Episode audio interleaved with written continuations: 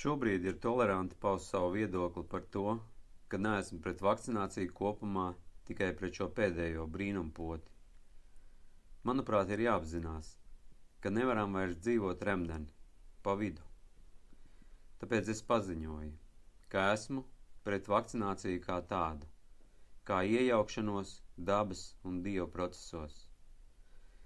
Slimošanas un seku likvidēšanas kultūra vispār kopš 20. gadsimta sākuma ir kļuvusi ļoti alternatīva. Kārtējais paradoks un jēgas samainīšana, jo šobrīd par alternatīvo sauc to, kas bijusi veseļošanās prakse jau daudzus gadu tūkstošus. Tik cilvēks iedomīgais ir uzskatījis visu ķīmisko par lielāko progresu cilvēces vēsturē.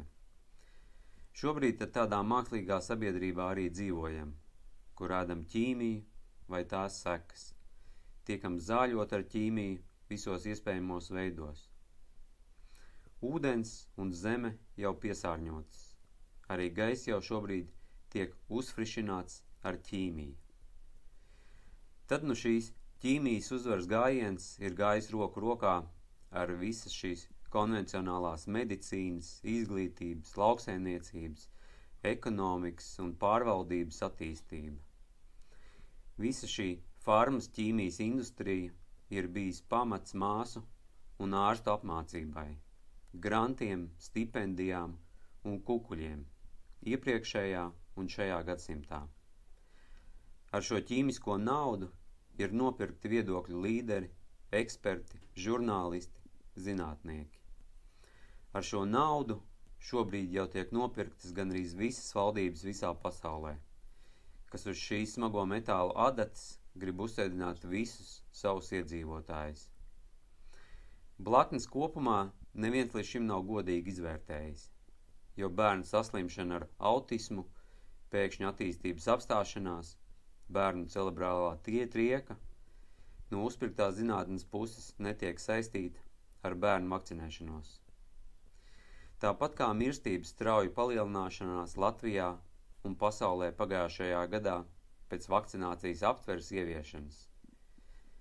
Šis notikums ļoti skaidri ilustrē to, kas iepriekš nav bijis tik labi saskatāms, jo slēpts. Piespieda vakcinēties, lai glābtu, bet daudzas reizes vairāk no tā visa gāja bojā. Tās ir bailes, ar ko tiek manipulēts gan pret jauniem vecākiem, gan pret visiem pasaules iedzīvotājiem šobrīd. Farmas industrijai tas ir bijis labs jājam zirdziņš jau veselu gadsimtu, un likumsakarīgi šīs kompānijas ir kļuvušas par turīgākām korporācijām pasaulē, kas jau ir spējīgas nopirkt medicīnu un mēdīs kopumā, noteikt zinātnieks un ekspertus, valdības ar visu viņu birokrātisko milzīgo aparātu un vardarbības monopolu policiju un armiju. Te nu esam atbraukuši. Vai turpināsim pret to visu tolerēt?